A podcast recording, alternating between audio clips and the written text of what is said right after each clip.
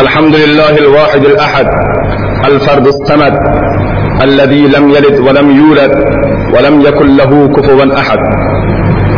والصلاة والسلام على من سمي في السماء بأحمد وفي الأرض بأبي القاسم المصطفى محمد وعلى آله وأصحابه وعشيرته إلى الأبد. أما بعد قال الله الحكيم في محكم تنزيله أعوذ بالله السميع العليم من الشيطان اللعين الرجيم. بسم الله الرحمن الرحيم. قل للمؤمنين يغضوا من أبصارهم ويحفظوا فروجهم. ذلك أذكى لهم. إن الله خبير بما يصنعون. وقل للمؤمنات يغضضن من أبصارهن ويحفظن فروجهن ولا يبدين زينتهن إلا ما ظهر منها وليضربن بخمرهن على جيوبهن. الآية. وقال رسول الله صلى الله عليه وسلم صنفان من أهل النار من أمتي لم أرهما. قوم معهم صياط كأذناب البقر يضربون بها الناس ونساء كاسيات عاريات مميلات مائلات. رؤوسهن كأسنمة البخت المائلة لا يدخلن الجنة ولا يجدن ريحها وإن ريحها لتوجد من مسيرة كذا وكذا أو كما قال عليه الصلاة والسلام. وقال, وقال الله تبارك وتعالى في شأن حبيبه مخبرا وآمرا إن الله وملائكته يصلون على النبي يا أيها الذين آمنوا صلوا عليه وسلموا تسليما.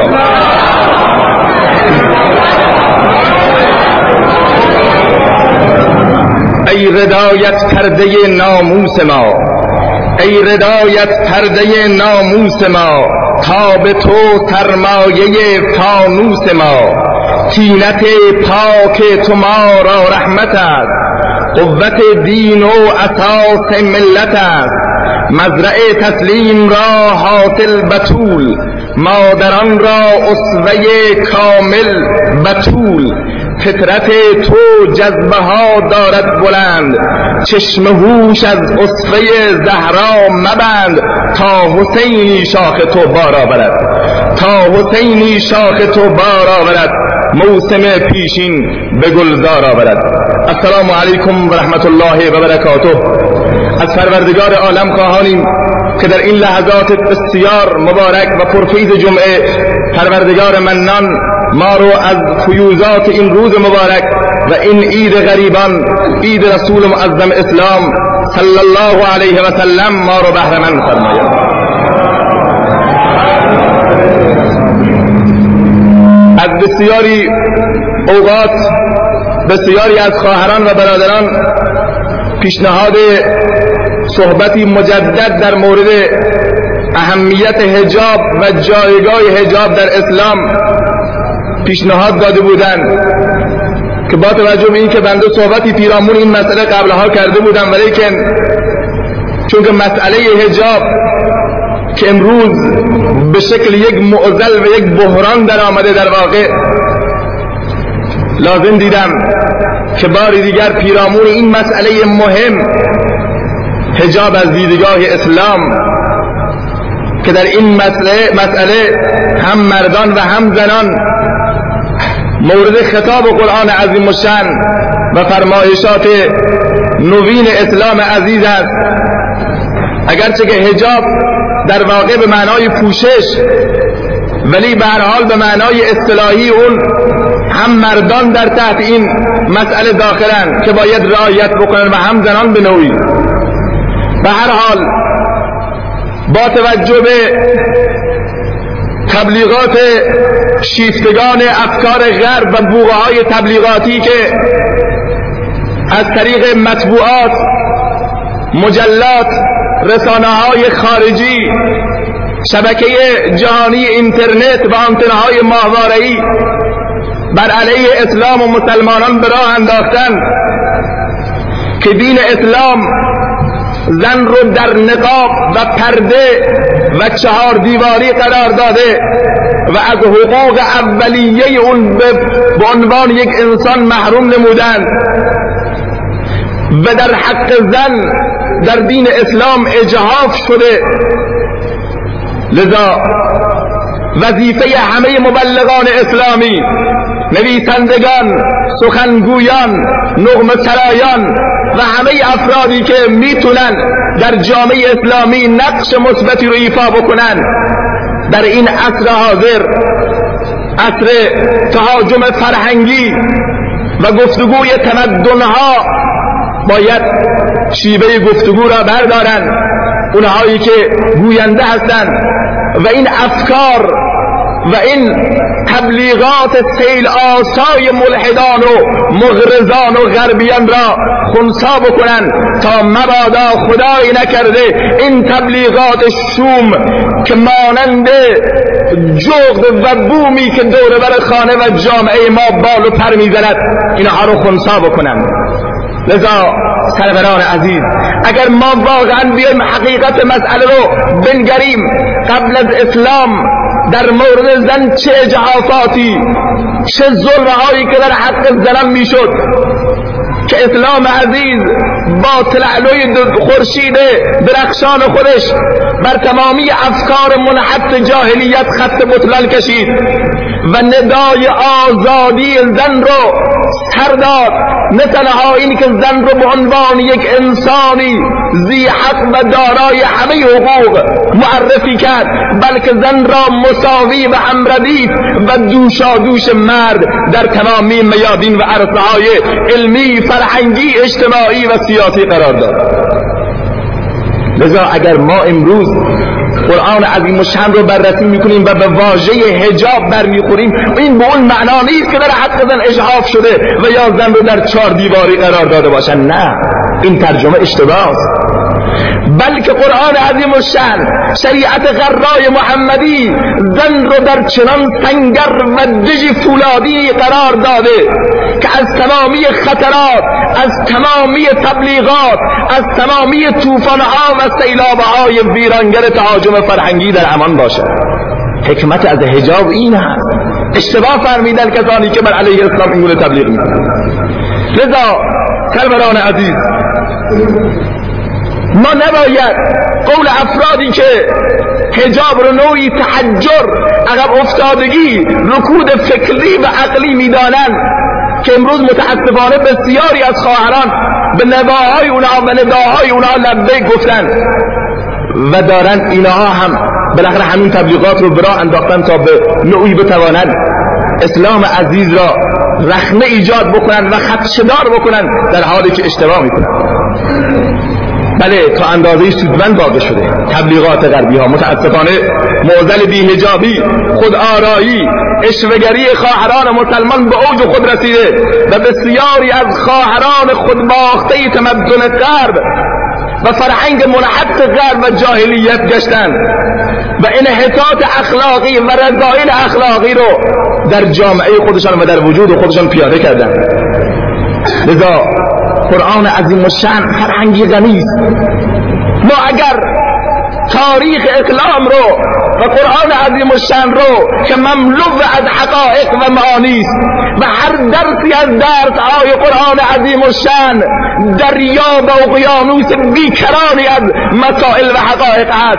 اگر مورد بررسی قرار بدیم و دقیقا اونها رو مطالعه بکنیم. قطعا ما به بالاخره نواها و بوهای تبلیغاتی مشرکین و ملحدین توجهی نخواهیم کرد. آیه که خدمت شما تلاوت کردم. قل للمؤمنین یغضوا من ابصارهم. ای رسول خدا ای محمد مصطفی ای پیامبر آخر الزمان. با زبان شیوا و پویا و سریح اکیدن برای مؤمنان. تأکید بکن و بیان بکن که یغضوا من ابصارهم و یحفظوا فروجهم. از چشمانشون محافظت بکنن. در مقابل دیدگان نامحرمان چشم خودشان را ببندن. ذالک از لهم. این براشون بهتر هست. و قل للمؤمنات یغضضن من ابصارهن و یحفظن فروجهن و همچنین برای زنان مؤمنه برای زنانی که از خط و مشی اسلام و رسول معظم اسلام و ازواج متحرات پیروی می‌کنن. به اونها هم اعلان بکن که یغضضن من ابصارهن و یحفظن فروجهن. چشماشون رو محافظت بکنن. شرمگاه و عفت و ناموزشان را محافظت بکنن. و لا یبدین زینتهن و زینت و آرایش خودشان را در ملای عام. جلوی دیدگان نامحرمان نشان ندهند و به مرحله ظهور نگذارند. رسول معظم اسلام میفرمایند سنفان من امتی من أهل النار لم ارهما. دو گروه از امتیان من آتشی و جهنمی هستند که من اونها رو ندیدم. در عصر من هنوز قدم به عرصه ظهور نگذاشتن. هویدا و آشکار نشدن وگرنه من شخصا با اونها جهاد خواهم کرد. لم ارهما. من اونها رو ندیدم. ولیکن بعد از عصر من خواهد آمد. قدم به عرضه ظهور خواهد گذاشت. پیشینگویی رسول معظم اسلام رو توجه بکن. قوم معهم سیاتون که از نابل بقر کار نداریم پیشینگویی دوم پیامبر خدا. و نساء کاسیات عاریات ممیلات مائلات. زنانی که پوشیدن ظاهرا ولی در باطن لختن. صحابه قبول نمی کردن همچه مسئله ای رو. چگونه زنی بیاد خودشو بپوشانه ولی در عین پوشش و حجاب اسلامی لخت باشه؟ نساء کاسیات عاریات ممیلات مائلات. خودشان به طرف دیگران میل می‌کنن و دیگران رو مانند مغناطیس به طرف خودشون جذب می‌کنن. رؤوسهن اسنمت البخت المائله موهاشون مانند کوهان شطور رو سرشون قرار گرفته. به خدا قسم صحابه وقتی که این احادیث رو از زبان یحربار رسول معظم اسلام میشنیدن تعجب می‌کردن که آیا زمانی میاد زنان در همچه حالتی قرار بگیرن برای اونها غیر قابل پذیرفتن بود. یعنی قابل پذیرفتن نبود. قابل قبول نبود. ولیکن امروز این مسائل به چشم همه من و شما می‌بینیم. این پیشینگوی رسول معظم اسلام چگونه تحقق یافته و همه ما متوجه هستیم. لذا خدا نکند سروران عزیز ما در این گروه قرار بگیریم گروهی که جزء علامات قیامت باشه. پیامبر خدا چه میفرماید؟ رؤوسهن اسنمت البخت این زنان سرهاشون موهاشون مانند کوهان شطور وسط سرشون لا يدخلن الجنة ولا يجدن ريحها. این أفراد این زنان اون مردانی که چنین زنانی دارند و جلوی فحشا و منکرات اونها رو نمیگیرند اون برادری که چنین خواهری داره و جلوی خواهرش رو نمیگیرد و صد و مانع قرار نمیگیرد لا يدخلن الجنة ولا يجدن ريحها پیامبر خدا میفرماد چنین زنانی داخل جنت نمی‌شوند که هیچ بلکه بوی جنت به مشام اینها نمی‌رسد.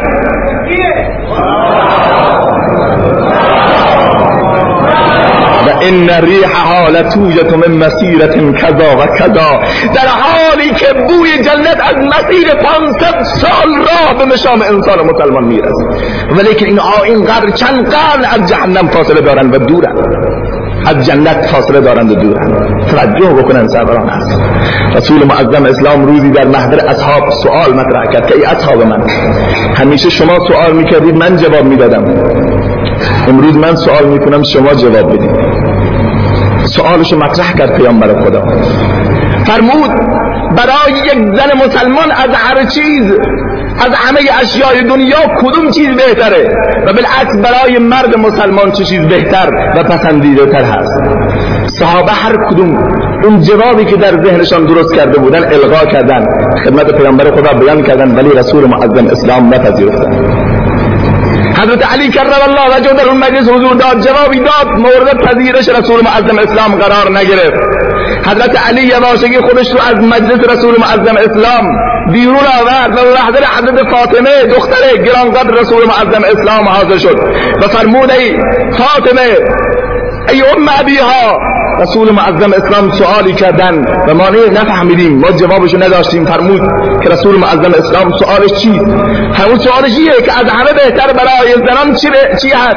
و از همه برای مردان چه بهتر و پسندیدتر است؟ گفت اگر من در محضر رسول معظم اسلام می بودم این جواب رو می دادم که از همه برای مرد مسلمان این بهتر که از نگاه کردن و چشم اندوختن به نامحرمان چشمش رو محافظت بکنن و برای زنان همه این بهتر که حجاب اسلامی رو رعایت بکنن و از نگاه کردن به نامحرمان صرف نظر بکنن حضرت علی فورا جواب را گرفت و محضر رسول معظم اسلام آورد. فرمود ای رسول خدا جواب شما سوال شما این است. رسول معظم اسلام تبسم فرمودن و فرمودن ای علی این جواب در ذهن تو نبود راستشو بگو این جواب رو از که گرفتی؟ سوال تو را چه کسی جواب داد؟ گفت واقعا واقعیت رو اگه می‌خواد بپرسید ای رسول خدا دختر شما حضرت فاطمه رسول معظم اسلام فرمود صدقت ابنتی فداها ابوها دخترم فاطمه راست گفت من محمد باباش فداش بشم.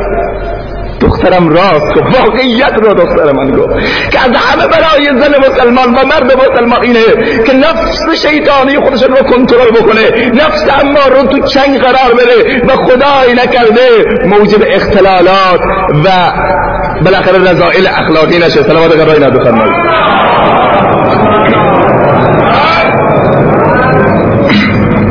بله. خواهری نویسنده هست نویسنده کتابی. میگه با وجودی که من نماز میخوندم مصری هست. میگه به مسائل حجاب اونقدر توجه نمی کردم روزی مریض شدم. خواهری آمد به یادتم گفت خواهر تو که خداوند متعال تو را اینقدر بالاخره موفق کرده نماز و روزه و عبادت می‌کنی این نیاز نیست که شما مریض بشی.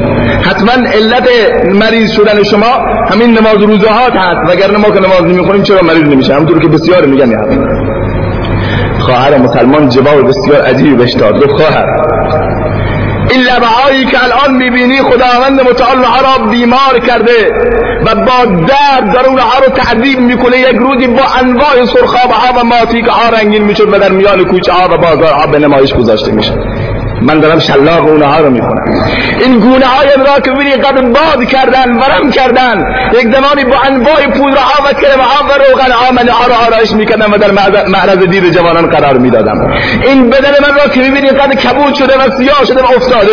یک زمانی با انواع لباس های رنگارنگ. در ملای عام در کوچه و خیابان نظر دیگران را به خودشون جلب می‌کرد. من خودم می‌دونم چوب اعمال من رو دارم می‌خورم. لذا این شکل را این شمائل را پروردگار عالم به انسان و مسلمان داده. اما زن و مرد مسلمان خدای نکرده اگر از این غیر مثبت استفاده بکنه قطعا پروردگار عالم این نعمت را از اونها خواهد گرفت. در وحله اول چند مورد رو که برای خواهران بسیار مهم هست اینها رو خدمت سروران عرض بکنم. که رعایت کردن چه اموری لازم است تا ما بگیم به فلان شخص محجبه کامل. چه اعمالی رو انجام بده تا بدون جزء کسانی باشد که حجاب اسلامی را واقعا حالا صد درصد نه اگر بالاخره 50 درصد 60 درصد رعایت کرده باشه. باید به چند مورد توجه بکنه. اولی که در پوشیدن لباس یک زن مسلمان طبق قول رسول معظم اسلام کاسیات آریات نباشه که لباسی بپوشه ولی لباسش گویا لخت هست. می‌دونید این جمله پیامبر خدا یعنی چه؟ داره از فرهنگ امروز پیامبر خدا سخن به میان می آورد که امروز اگر لباس بلند و لباس گشاد یک دختر مسلمان به تنش بکنه و یا نقاب بر چهره بزنه همه میگن دختر فلانی ملا شده. همه به تمسخر می‌گیرن. ولی تمدن فرهنگ پیشرفت در اینه که انسان مسلمان زن مسلمان خودش لخت برهنه بکنه. چه لباس هایی که امروز آمده سروران عزیز. حتی پیامبر خدا اینقدر روی این مسئله بالاخره احتمام بردیدن و اهمیت دادن که اسما دختر ابو بکر صدیق رضی الله عنه میفرماید من کوچک بودم. من کوچک بودم دختری بودم که هنوز به سن بلوغ نرسیده بودم. در محضر رسول معظم اسلام صلی الله علیه و سلم آمدم. گفتم السلام علیک یا رسول الله. پیامبر خدا چهرش رو از دختر کوچولو به نام اسما برگردان. فرمود ای اسما برای یک دختر مسلمان یک دختری که از آین اسلام داره پیروی می‌کنه شایسته نیست که اینجوری لباس بپوشه ظاهرا شاید سر دستاش بخونید امروز دختران 14 و 15 ساله را برید داخل کوچه و خیابان نگاه بکنید. چه بدبختی شده. این را فرهنگ می‌دونن این را پیشرفت می‌دونن آن ننگ بشر بین که زند دم ز تجدد. اوریان به نمودت چو حیوان بدن خود. پیچیده سر از حکم خدا کرده تمرد. بنموده به تقلید غلط پیروی از مد. این است تمدن که کنون رایج باب است. بیهجابی و الواتیر و مینامن مد مدرنیسم. دم از مد و عرض بکنم پیشرفت و این مسائل می‌زنن مانند حیوان بدنشو لطف می‌کنن در محضر دید جوانان. این نامش فرهنگه این نامش پیشرفته. وگرنه میگه فلانی قدیمی هست. در وحله اول یک فرد مسلمان باید لباس خوب به تنش بکنه یک زن مسلمان لباسی که تمامی فراز و نشیر رو مشخص نکنه. امروز یا لباس ها اونقدر نرم و نازک هست که تمامی ارسال خدمت شما بدنش از پشت لباس مشخص میشه. و یا اینقدر تنگ و فشرده که تمام فراز نشی و بدن یک زن مسلمان در جلوی دیدان دیدگان هزاران نفر نامحرم مشخص و نمایان هست. سلامت قرآن اینا بفرمایید.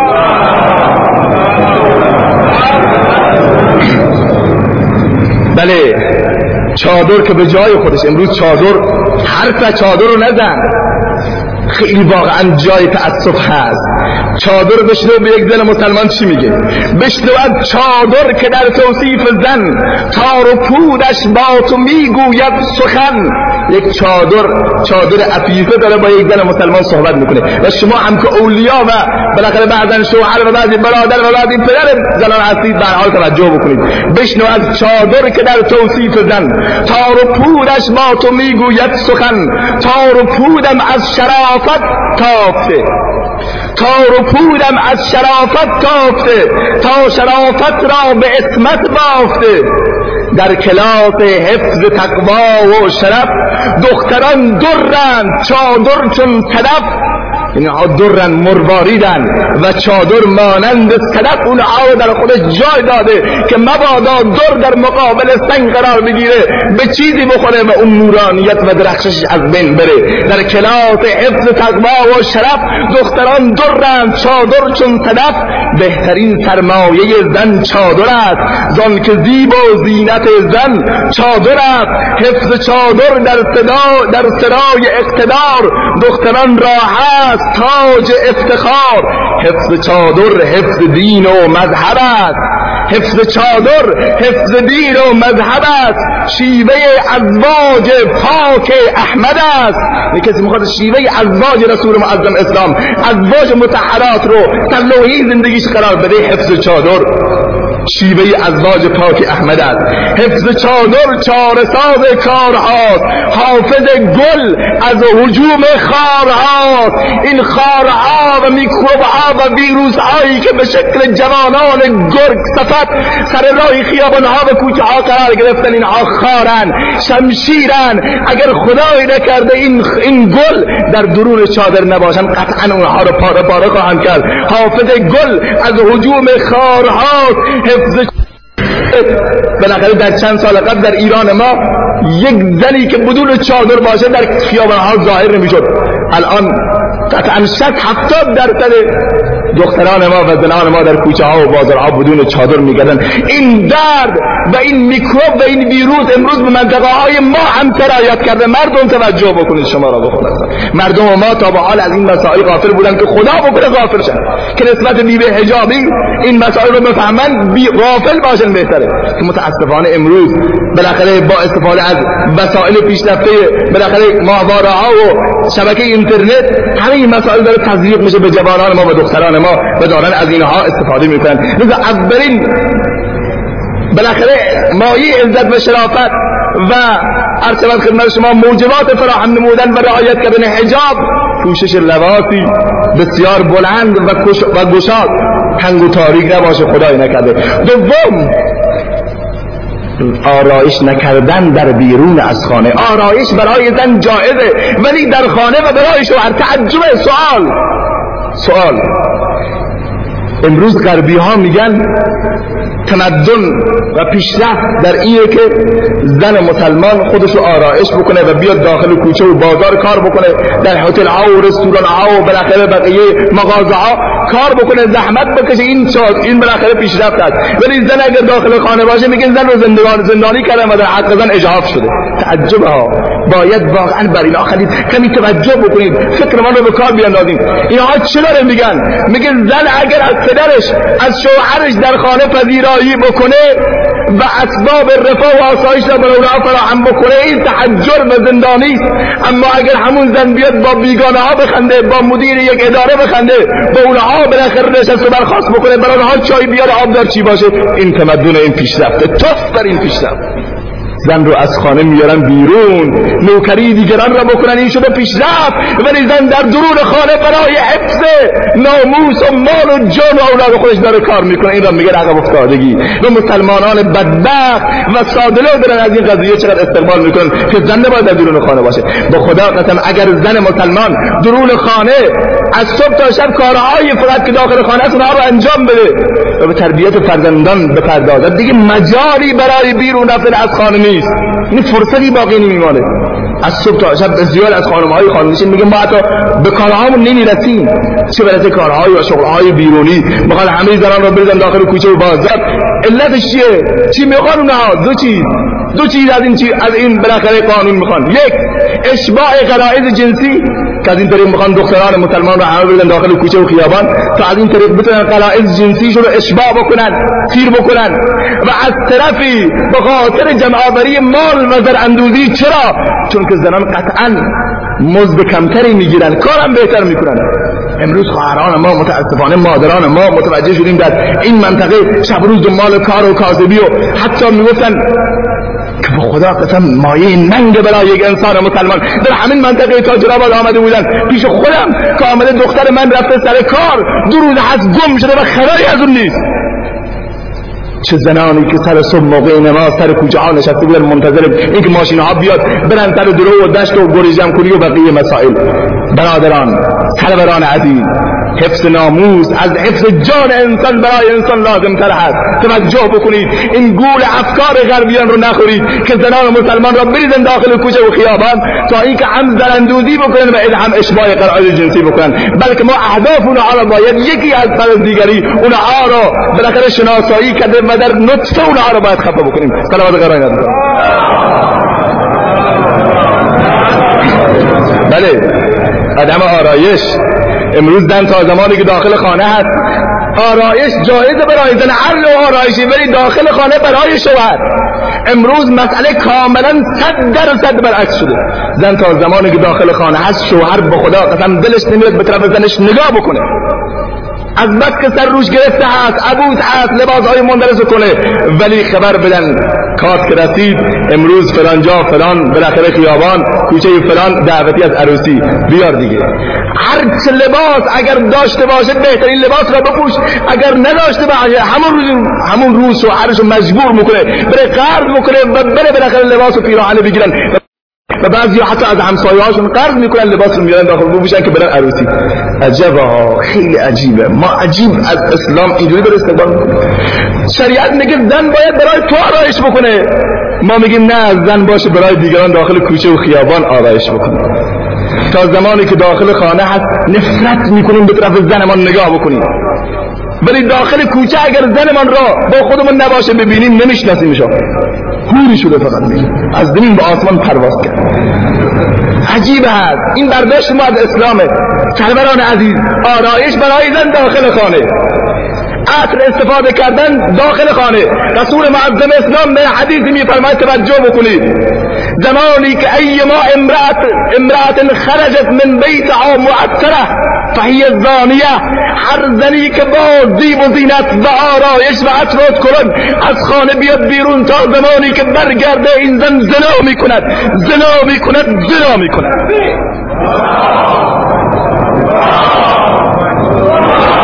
در خیابان چهره آرایش مکن. در خیابان چهره آرایش مکن. از جوانان طلب آسایش مکن. جوانان مؤمن را با این بالاخره مقدار کرمی که دور سیرت مالدی اون هم علکی ها که بعد اینکه بادی بیاد به وزخ گرد و خاک همشون می‌گیره کبود سیاه مانند بوزینه بلن از جوانان طلب آسایش مکن. زلف خود از روسری بیرون مرید. در مسیر چشم ها افسون مرید. یاد کن از آتش روز معاد. جلوه گیسو مره در دست باد. خواهرم دیگر تو کودک نیستی. کودک نیستی بزرگ شدی. خواهرم دیگر تو کودک نیستی فاشتر گویم عروسک نیستی. خواهر من خواهر من این لباس تنگ چیز پوشش چسبان و رنگارنگ چیز. خواهرم این قدر تنازی مکن با اصول شهر لجبازی مکن. خواهرم ای عاشق دین مبین یک نظر از واج پیغمبر ببین. یک لحظه به واج پیغمبر نگاه بکن. متاسفانه امروز این مسائل نیست سروران عزیز. جوانان را بگذار به جای خودش که امروز پیرزنها برداشتن. آی مردم این رو این بدبختی رو به کجا ببریم؟ ببریم قدیم شنیدیم اون عشق پیری گر بجنبد تر به شیدایی زند ولی امروز دیدیم. پیرزنی که بالاخره آفتاب عمرش بر لب بام رسیده و برف پیری سراسر وجودش را فرا گرفته میاد آرایش می‌کنه خودش را. لب و دهانی که امتدادش از مشرق تا مغرب صورتش رو گرفته میاد اون رو ماتیک می‌زنه. چشمان از حدق بیرون آمدهش رو مداد چشم می‌کنه. پشت چشمانش رو مثل چشمان بلا نسبت قورباغه سرد می‌کنه. بعد لباس کوتاه میپوشه و بعد اون شلوارش می‌کشه بالا تا با دیدن ساقه های اون انسان را بیاد مرده های پوسیده بالاخره قبرستان انسان رو بیاندازه. این رو میگن چی؟ آرایش کرده خودش. انسان می‌بینه تعجب می‌کنه. خدا یه حیولا. این رو فرهنگ می‌دونن. سروران عزیز مادران محترم. من خدایی نکرده توهینی می‌کنم به مادران عزیزم. لذا این مسئله رو باید توجه بکنن. از شما عمری گذشته. وقتی که دختر داخل خانه این اعمال رو به مادر می‌بیند تعجب می‌کنه. مولانا روم رحمت الله علیه قصه میاره. وقت هم گذشته. من الان یادم آمد. میگه روز پیرزنی دعوت شده به مجلس عروسی. رفت جلوی آینه دید که او این چهرم چقدر چروک داره چقدر زشته چقدر بالاخره پلید هست چیکار بکنه هر چه فکر کرم آور زد بغل کرم دو آفتابی زد کرم سفید کننده زد پودر آب روغن زد هر چه زد این نبا و احمد پوده همونی که بوده تکون نبود فکر کرد بالاخره آمد قرآنی رو دید دید که دور برش با طلا دور بر صفحه حاشیه‌اش با طلا رنگین شده زرین شده. این گوشه های قرآن رو گرفت برید. بالاخره 500 جلد رو ای می‌برید ای میافتاد. ای می‌برید میشکون دو قدم راه می‌رفت باز میافتاد. باز بعد میگشت کنار آیله. 500 جلد قرآن رو پاره کرد. به صورت چسبان دو قدم راه می‌رفت میافتاد. لحظه آخر ناراحت شد وقتی که بالاخره کاغذها و اون بالاخره حاشیه های قرآن از صورت افتاد گفت لعنت بر شیطان. شیطان فورا جلوی پاش ایستاد گفت لعنت بر تو که به خدا قسم ما چندین سال زحمت کشیدیم. ولی این مکر و حیله که تو یاد داری توی پیرزال به خدا قسم ما یاد نداشتیم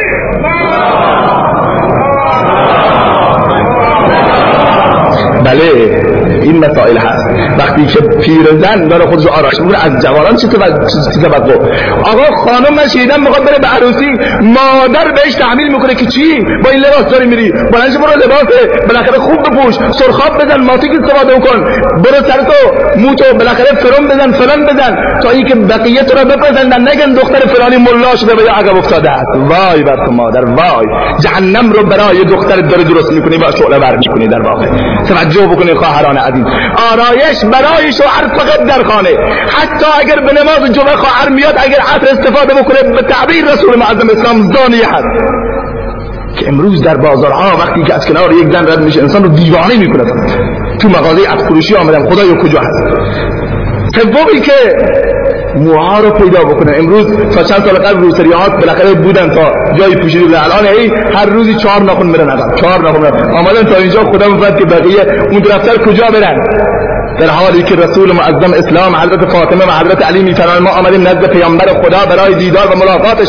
آمدیم نزد رسول معظم اسلام دیدیم که پیامبر خدا گریه می‌کند محمد رسول الله. میگه وقتی ما جمال جان آرای رسول الله را دیدیم خیره در عشق میریزد حضرت علی میفرماد اشکال ما ترازی شد ای رسول خدا چه مشکلی پیش آمده که شما اینقدر به گریه افتادی و امروز شما را محزون و غمگین می‌بینیم. رسول معظم اسلام غمخوار امت بود. پیامبر خدا اگر کوچکترین عذابی و یا نقصانی متوجه امتش می‌شد پیامبر خدا قلبش میسوخ آرامش و رفاه و آسایش از زندگی رسول خدا پرواز می‌کرد. گفت بله در شب معراج گروهی از زنان امتم را دیدم که به موهایشان آویزان هستند و مغز آب مانند دیگ آب جوش جوش می‌خوره به همون صورت.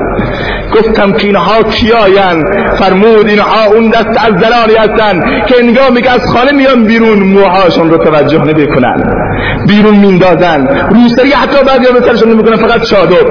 من بسیار از خواهران رو می‌بینم داخل کوچه و بازار مجردی که چشمش به من میاد فورا میره چادرشو کشه جلو. از من نترس از خدا بترس. من کاری نیستم. یا هر کس مثل من. انسان باید در هر جا خدا رو حاضر و ناظر قرار بده. گروهی دیگر از امت امرا دیدن که به پستانهاشون آویزانند رسول معظم اسلام میفرماد گریه می‌کردن حضرت فاطمه و حضرت علی میفرماد وقتی ما این خبر رو از رسول معظم اسلام شنیدیم ما هم شروع کردیم به گریه کردن. لذا موها رو توجه بکنن. موها رو اگر یک بالاخره دو سال از موهامون پیدا باشه از زنان ما نمازشون درست نیست. نماز در اون حالت نباید بخوانن. نماز فرض خدا در حالتی که سرشون برهنه است نباید بخوانن. امروز از ما داخل کوچه و بازارها و پارک ها با سر رخ. تعجب ها. این سه همه مسائل قرآن عظیم مشتعن بیان میفرماید. صدا رو ظریف نکنید. یعنی زن نباید هیچ عملی که مورد جذب و هر خدمت شما جذب شدن جوانان بشه اون عمل رو نباید انجام بده. هر چی می‌خواد باشه. قرآن عظیم چی میفرماید؟ فلا تخضعن بالقول فیطمع الذی فی قلبه مرض. الله ذو الجلال میفرماید ای زنان مسلمان در صحبت هاتون انقدر نرم و نازک صحبت نکنید صداتون باریک نکنید با عشق و ناز و کرشمه سخن نگویید که مبادا کسی که در قلبش مرض وجود داره جذب شما بشه. حتی این دستور در وهله اول به ازواج متحرات به زنان رسول معظم اسلام میفرد که هنگام صحبت کردن با نامحرم با صدای خشن صحبت بکنید صدای نرم و نازک نباشه. تلفن را برمیدن اون الو اون الو با صداشون نرم و نازک فقط میگه خدایا چه خبر هست. تلفن های مزاحمی اینها رو توجه بکنید. دختران من شما یعنی کسی دیگر نیستن هر کس که هست یا خواهر ماست یا مادر ماست یا بالاخره همسایه ماست که همسایه حق خواهر مادری بر مادره توجه بکنید مسائل رو طرفان عزیز صلوات قرآن بفرمایید عدم خلوت و صحبت با نامحرمان حتی أقوام شوهر امروز عجیبه ها آقا میاد داخل خانه شوهر اونا. خانه هم نیست.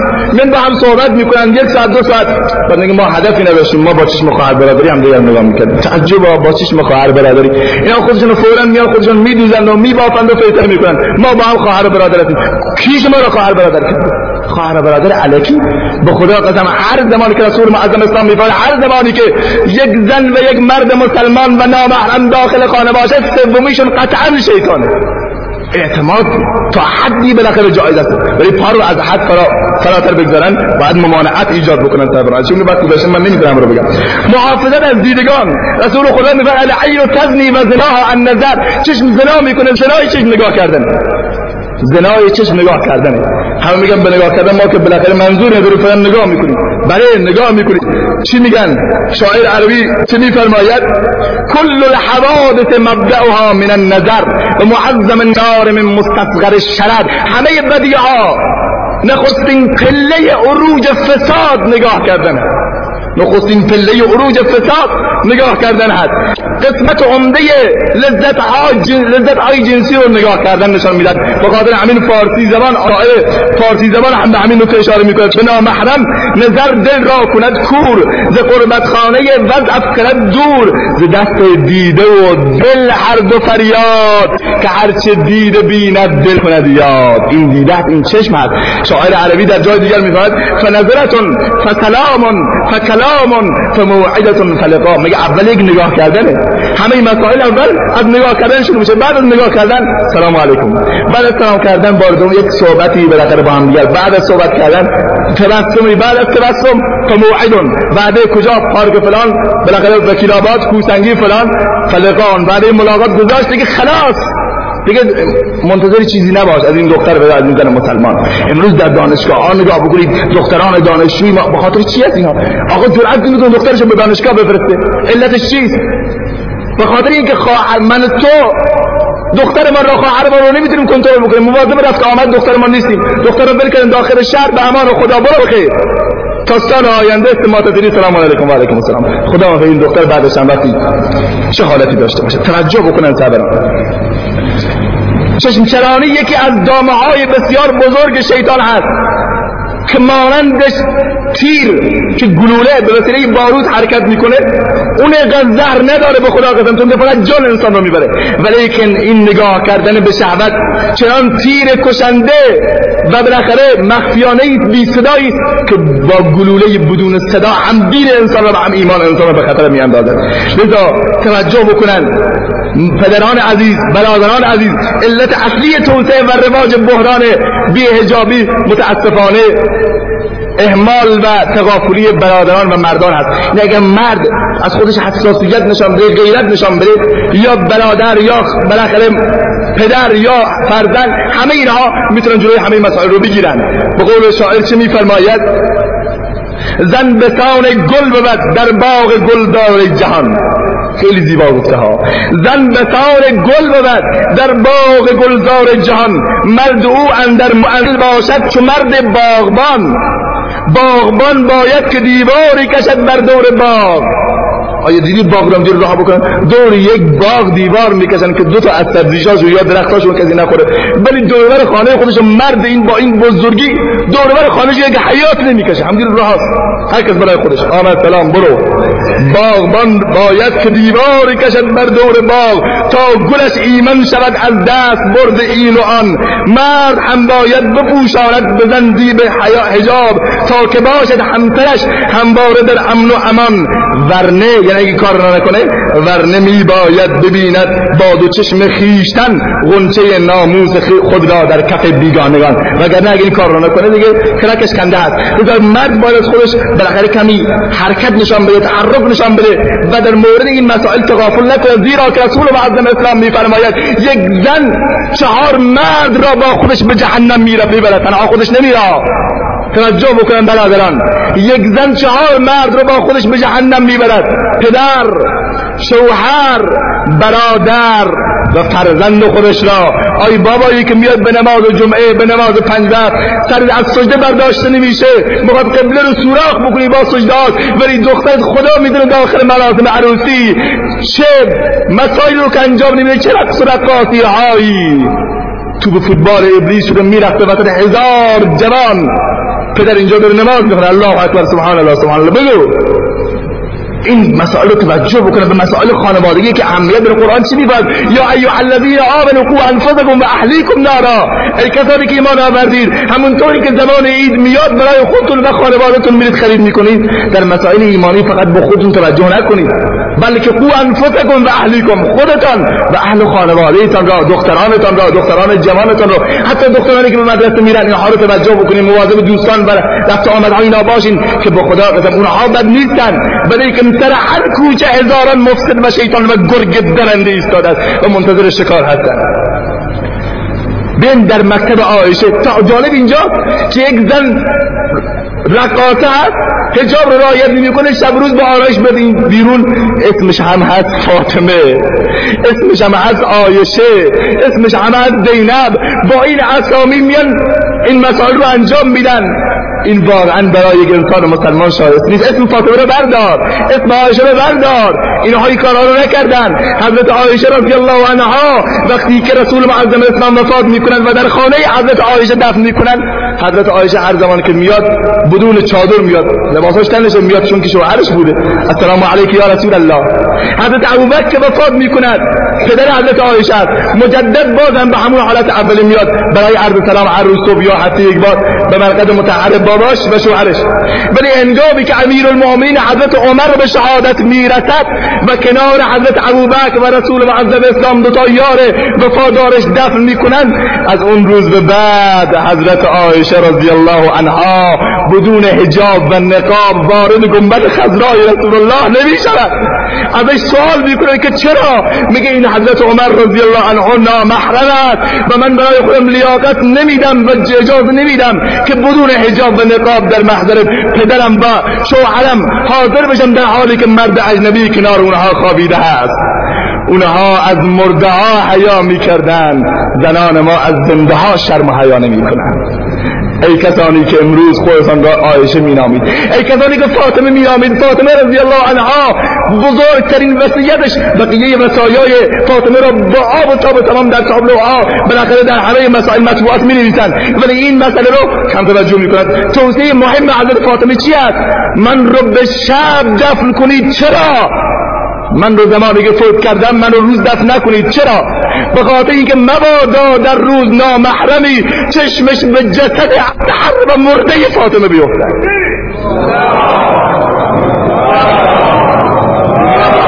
بله اینها فاطمه بودن اینها عایشه بودن.